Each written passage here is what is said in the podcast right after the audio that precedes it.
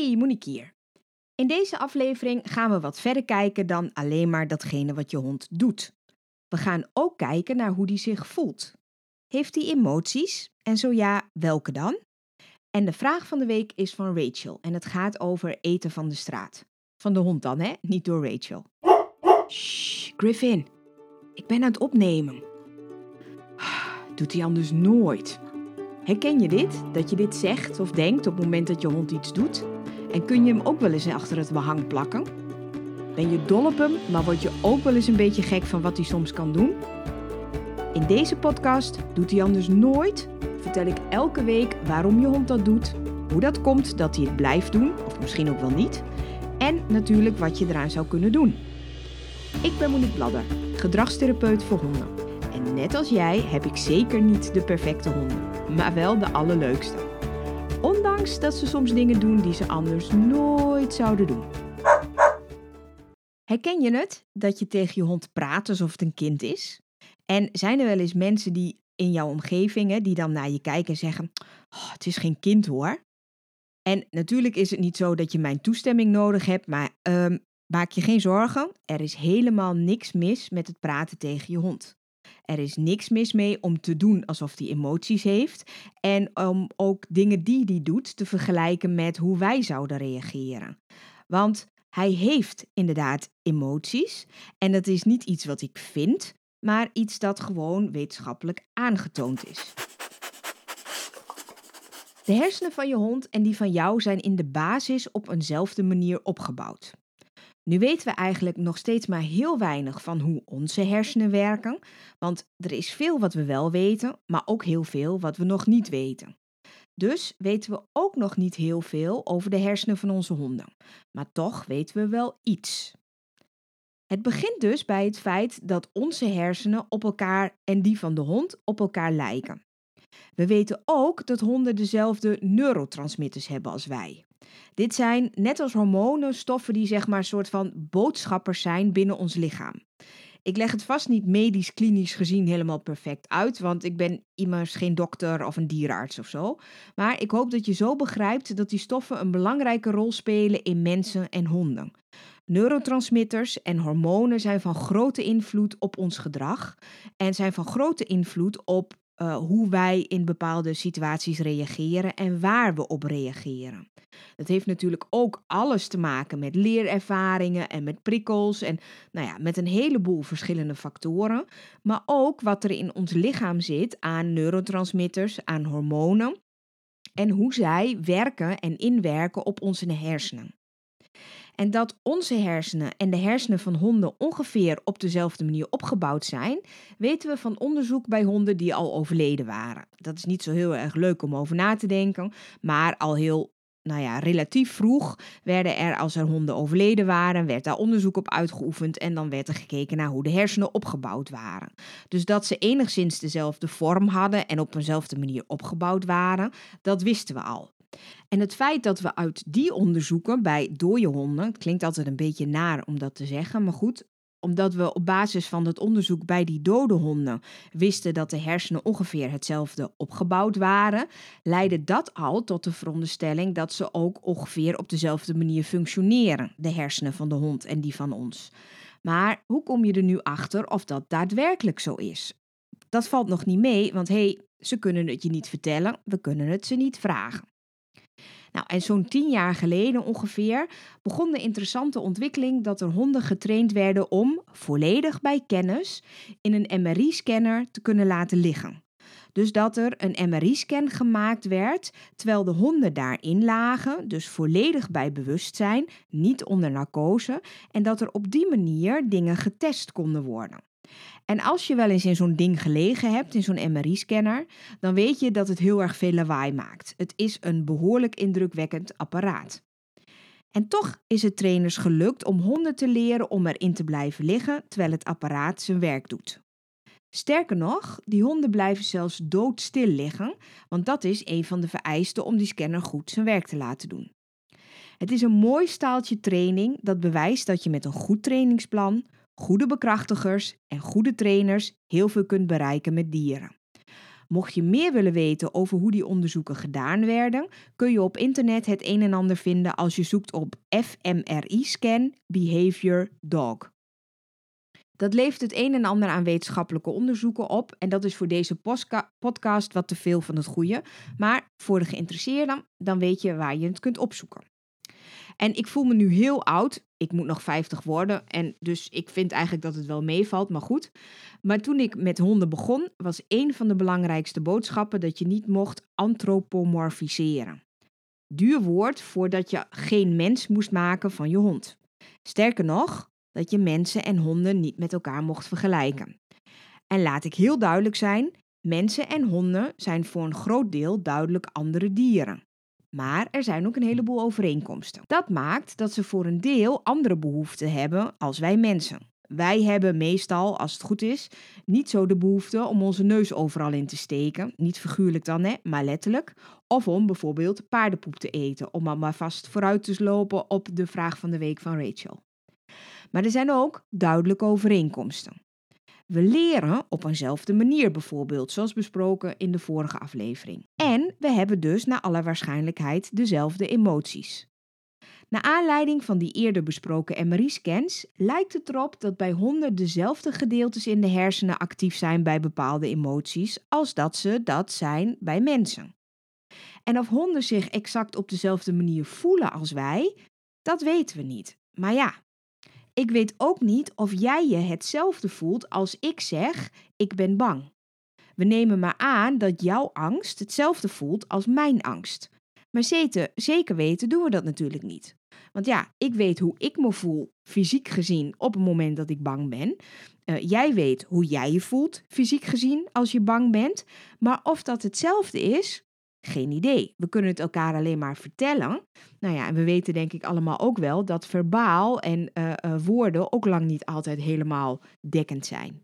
Dus ja, dat blijft misschien ook nog wel een beetje een raadsel. Voordat uit scans bleek dat de hersenen van onze honden dus niet alleen op dezelfde manier zijn opgebouwd, maar dat ze ook op het gebied van emoties ongeveer gelijk functioneren, was er al Jaak Panksepp. En ja, het is Jaak, dus niet met Jaap met een P, maar Jaak Panksepp. En hij was een neurowetenschapper die onder meer ontdekte dat ratten lachen als ze gekieteld worden. Hij was een hele grote pionier als het ging over dieren en emoties. En hij ontwikkelde een model met daarin zeven verschillende emoties die volgens hem door mens en dier worden ervaren. Overigens zijn het technisch gezien niet emoties waar hij het over heeft, maar emotioneel-motivationele systemen om er nog maar eens een leuk duur woord in te gooien. Maar goed, daar wordt het allemaal niet echt gemakkelijker van. En het maakt voor jouw hond niet zo heel erg veel uit hoe we het exact noemen. Dus ik hou het nog maar even bij emoties. In mijn boeken Kijk eens naar je hond en het boek Help je hond bij angst, dat ik samen met Erika Bokelman schreef, bespreek ik ook deze emotioneel-motivationele systemen. En als je deze informatie dus nog eens terug wilt lezen, uh, want het is soms best wat ingewikkeld, zonder dat je gelijk de boeken van Jaak Panksepp in wilt duiken, dan kun je het dus ook in mijn boeken terugvinden. Uh, en de boeken van Jaak Panksepp zijn bijvoorbeeld Archaeology of Mind. Beetje ingewikkeld om dat uit je strot te krijgen, maar Archaeology of Mind van Jaak Panksepp heftige, pittige literatuur, maar wil je echt de diepte induiken en vind je dit interessant, is het goed om dat boek er eens bij te pakken bijvoorbeeld. Er zijn dus zeven emotioneel-motivationele systemen van Jaak Panksepp. En ik zal ze dus stuk voor stuk met jou gaan doornemen. En ik begin met seeking. Seeking is natuurlijk, als je dat vertaalt, um, op zoek gaan, exploreren. En dat is het emotionele systeem dat eigenlijk altijd actief is in combinatie met andere emoties. Seeking zorgt ervoor dat je hond gemotiveerd is en in actie komt. Het is eigenlijk de emotie die hem ertoe aanzet om in beweging te komen, om zijn omgeving te verkennen. Bijvoorbeeld, als je hond dorst heeft, is het seeking systeem de emotie die hem ertoe aanzet om ook daadwerkelijk op zoek te gaan naar water, om in beweging te komen. Maar het seeking systeem doet meer. Het zorgt er volgens Panksepp voor dat je hond plezier heeft in het leven. Dopamine is een van die stofjes, zo'n neurotransmitter waar ik het eerder over had. Um, en het is ook voor een deel een hormoon. En hij speelt een belangrijke rol hierin, in het hele seeking systeem. Seeking is dus een positieve emotie en weet ook dat als je te veel hebt aan dopamine, dus dat stofje wat bij seeking heel vaak uh, meespeelt, dat dat dan verslavend kan werken. Dat zorgt ervoor dat als jouw seeking systeem, of nou ja, niet dat van jou, maar dat van je hond, als dat overactief is, dat dat dan kan leiden tot wat we noemen obsessief-compulsief gedrag. Denk dan aan staartjagen, denk aan uh, voorpoten likken zonder dat daar jeuk is. Denk aan vlieggevangen die er op dat moment helemaal niet zijn. Dat kan te maken hebben met een overactief seeking systeem. Een te weinig actief seeking systeem kan ervoor zorgen dat je hond heel lusteloos is en heel depressief. En ja, honden kunnen dus ook echt daadwerkelijk depressief zijn en dat hij maar een beetje in zijn mand blijft liggen. En het seeking systeem is vooral heel belangrijk en, en heeft vooral um, prioriteit bij dingen die voor jouw hond belangrijk zijn en die hij graag wil hebben. En dat kan van alles zijn. Dat kan zijn eten, dat zijn, kan zijn drinken, maar ook een seksuele partner, een fijne lichtplaats of iemand om mee te spelen. En dat zie je dan ook terug in zijn gedrag. Hij doet dingen die ervoor zorgen dat hij datgene krijgt wat hij graag wil. En dan is dat seeking systeem dus heel erg belangrijk. Er zijn drie emotionele systemen die vooral draaien om zelfbehoud en om overleven. Dat is hun belangrijkste functie. Het gaat dan om fear en panic grief. Dat zijn twee systemen die door Panksepp neergezet zijn. En dan hebben we het nog over pijn, pain. En dat is een um, systeem dat neergezet is door Daniel Mills. En daar ga ik het wat later met je over hebben. En ik wil met je beginnen over fear, oftewel angst. Je hond kan angst op verschillende manieren beleven. Als eerste als iets wat heel instinctief is, zoals bijvoorbeeld de angst voor harde geluiden. Dan is het niet iets wat hij geleerd heeft op basis van een ervaring, maar dan is dat iets wat in zijn genen zit, wat in zijn systeem zit. Zoals wij mensen bijvoorbeeld, sommige mensen, niet allemaal, som, uh, uh, bang kunnen zijn voor spinnen of voor muizen. Uh, en dat is dan op basis van een instinct. Niet omdat we wel eens gebeten zijn door een spin of door een rat of whatever, maar gewoon omdat dat in onze genen zit. Nou, zo zit dat dus ook bij onze honden. Die kunnen een geactiveerd fear-systeem hebben op basis van een instinctief iets. Dan noemen we dat dat het op primair niveau geactiveerd is. De meeste angsten zijn echter aangeleerd en dat heet dan secundair. Je hond maakt iets mee dat door een leerervaring voor hem een situatie of een prikkel is waarin of waardoor die zich bedreigd voelt. En dat kan in onze ogen volstrekt irreëel zijn, maar dat doet er eigenlijk niet toe, want je hond heeft het idee dat hij de schade door kan oplopen. Die emotie fear zorgt voor zelfbehoud. Een volgende keer in een soortgelijke situatie of bij een soortgelijke prikkel zal het lichaam als in een reflex in actie komen. Je kunt immers niet uitgebreid de tijd nemen om na te denken als je leven bedreigd wordt, want dan zul je snel in actie moeten komen. En dat is precies wat een hond doet als het viersysteem geactiveerd wordt. Als je hond bang is, zal die in actie komen om zichzelf te beschermen.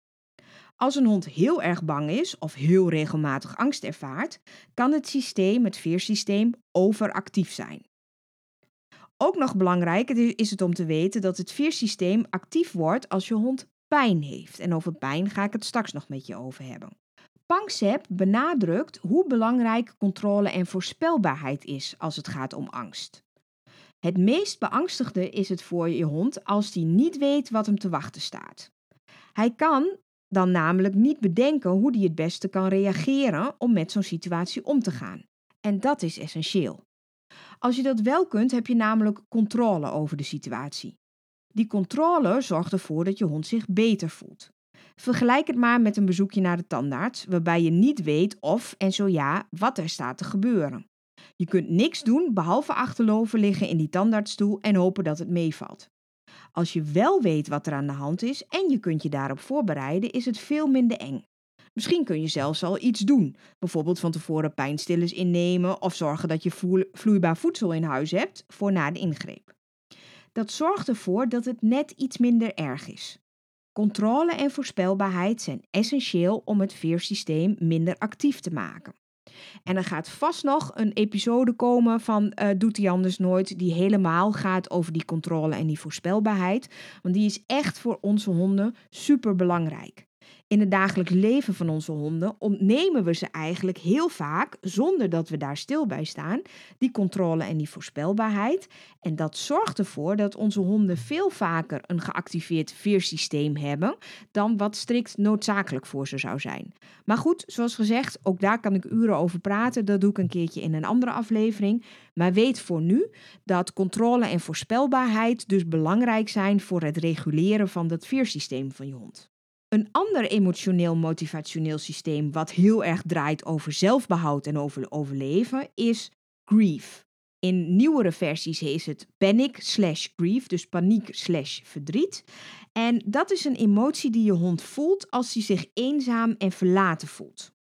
Sociale dieren, zoals honden en mensen, voelen zich over het algemeen beschermd in de aanwezigheid van anderen. Jouw hond heeft daarom net als jij behoefte aan contact met jou en anderen van jouw sociale groep. Je gezin, inclusief de daarbij behorende huisdieren. Panic grief zorgt ervoor dat je hond zich onveilig voelt als die zonder jou is. Of misschien zonder een ander huisdier dat bijvoorbeeld net overleden is. Het is een andere emotie dan angst en het uitzicht volgens Pankzep ook anders. Honden die bang zijn, dus veer, maken minder geluid en lawaai dan honden die zich eenzaam voelen. Dan hebben we het dus over panic grief. Als je hond zich eenzaam voelt omdat jij er niet bent, gaat hij misschien janken of blaffen of huilen. En hij gooit letterlijk alles in de strijd om ervoor te zorgen dat je, hij je hoort en dat je weet dat je terug moet komen. Het verschil tussen grief en fear is van essentieel belang als je je hond wilt helpen. Een hond die bang is en zich bedreigd voelt, voelt zich anders dan een hond die eenzaam is. Die twee verschillende honden hebben ook alle twee iets anders nodig. Als je hond eenzaam is en hij voelt zich daardoor rot, heeft hij vooral aandacht nodig, sociaal contact, aanraking. En als je hond bang is dat er iets bedreigends gaat gebeuren, moet hij als allereerste uit die voor hem bedreigende situatie gehaald worden aanraking en contact is dan niet het meest belangrijke dat hij nodig heeft. Dat neemt niet weg dat aanraking en contact hem in zo'n geval wel kan helpen. Daarover heb ik het ook al gehad in um, een van de afleveringen van Doet hij anders nooit. Dat als je hond bang is, dat je hem zeker gewoon mag steunen. Dat je hem niet aan zijn lot over hoeft te laten. Dat je hem zeker mag aanraken en dat je zeker contact met hem mag maken. Maar een hond bij wie het veersysteem geactiveerd is, heeft dus als eerste behoefte aan het um, wegkomen uit die situatie die voor hem beangstigend is.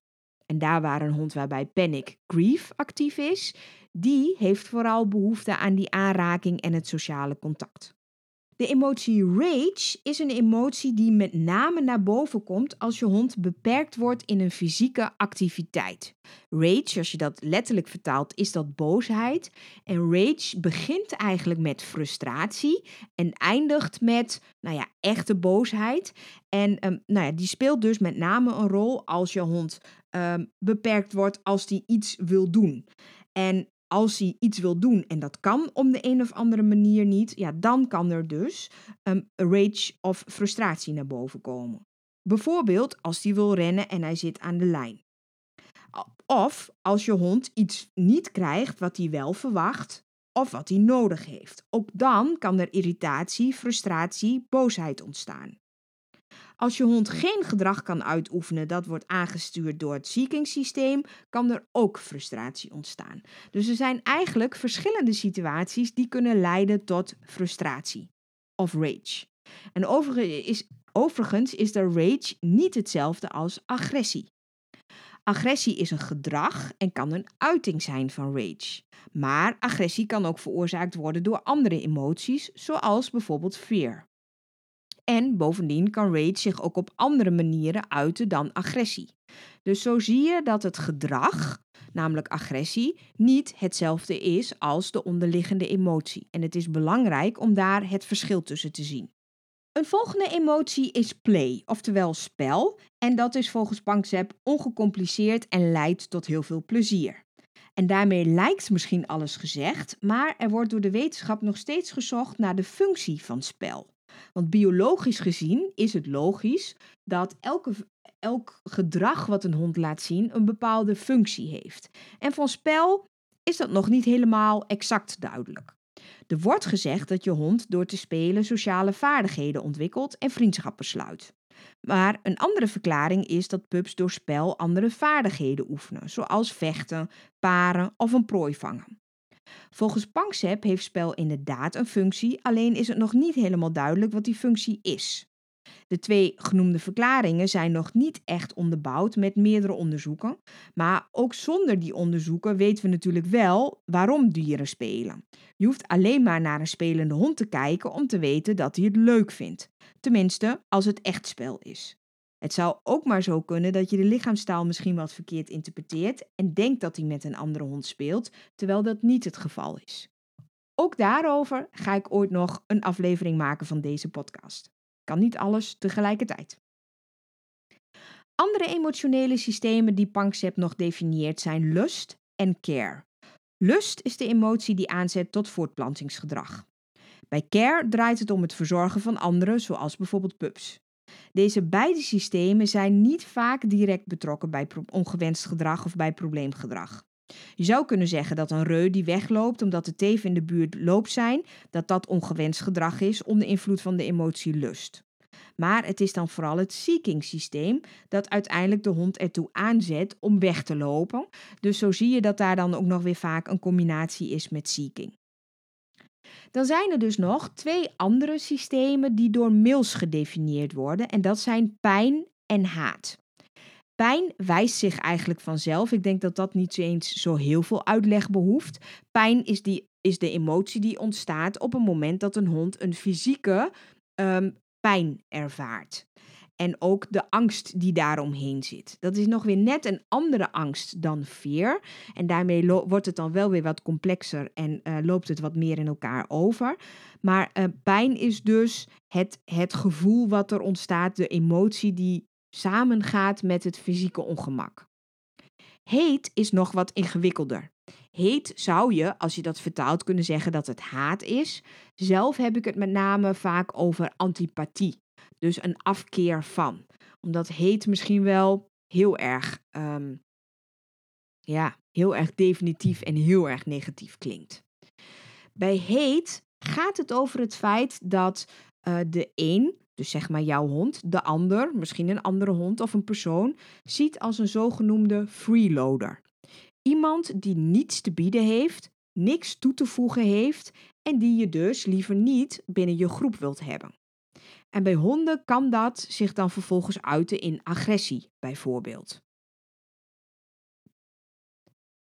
Om terug te komen op waar ik mee begonnen ben. Het is dus helemaal prima als je oog hebt voor je hond en hoe die zich voelt en dat je hem soms vergelijkt met een kind als het gaat over bepaalde emoties. Dat betekent niet dat er een kind is en dat je je, honden, je hond in allerlei situaties ook als een kind moet behandelen. Maar neem zijn emoties serieus en handel daarnaar. Zeker als het gaat over probleemgedrag. Want ik zeg het eigenlijk altijd: je hond doet iets omdat hij zich op een bepaalde manier voelt.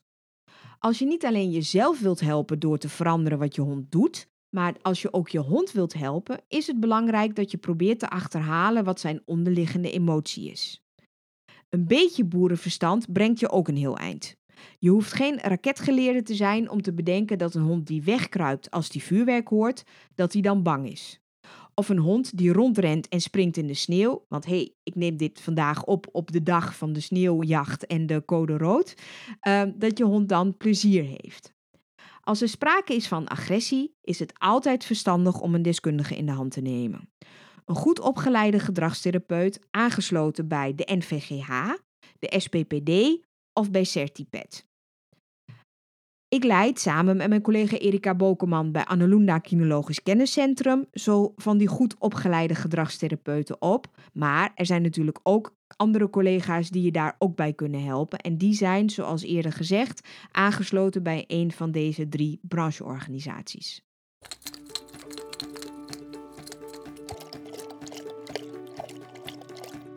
De Doet hij anders nooit? Vraag van de week. Hi Monique, ik heb een vraag. Mijn Labrador-teefje die eet heel graag van straat. Ehm, ze eet van alles, uitwerpselen, maar ze pakt ook gewoon uh, ja, stukjes brood of uh, nou ja, blaadjes, van alles stopt ze in haar mond. En ik vroeg me af of dat uh, ja, ook te maken zou kunnen hebben met stress. Ik denk um, te zien dat ze vooral bij opwinding, bij positieve opwinding of bij dingen die ze wat spannend vindt, vooral heel erg ja, dingen in haar bek gaat, uh, gaat stoppen, dan wel gaat opeten. Zou dat kunnen? Heb je, ja, kun je me daar iets over vertellen? Groetjes Rachel. Dat is een hele goede vraag, Rachel. Het is een issue waar heel veel eigenaren mee worstelen. Namelijk dat een hond dingen van de straat eet en dat ook blijft doen. Dingen van de grond eten kan inderdaad te maken hebben met stress. Als een hond stress heeft, geven de stresshormonen in zijn lijf hem opdracht om iets te gaan doen. Zo simpel is het niet helemaal, maar om het qua uitleg even wat te versimpelen. Het kan zijn dat een hond dan iets gaat doen dat dicht onder de oppervlakte, oppervlakte ligt, zoals ik dat altijd noem. Um, dan komt er gedrag naar boven wat die, waar die waarschijnlijk ooit voor gefokt is. En dan, dan zie je dat eerder en sneller ontstaan.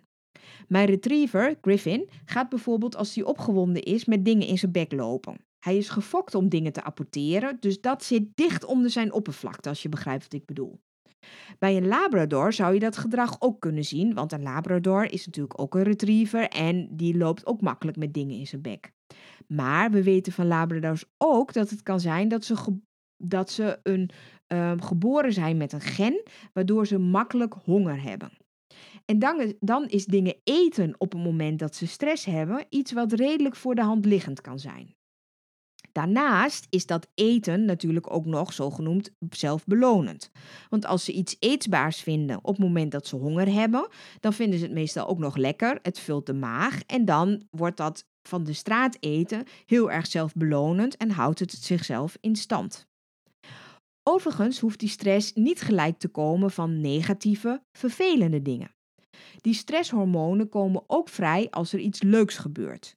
Dus als Griffin bijvoorbeeld met iets in zijn bek gaat lopen, is dat meestal omdat wij thuiskomen of omdat we gaan wandelen. Dus het is zeker niet alleen maar negatief. Als je er iets aan wilt doen, is het dus belangrijk om te ontdekken wat de onderliggende emotie is.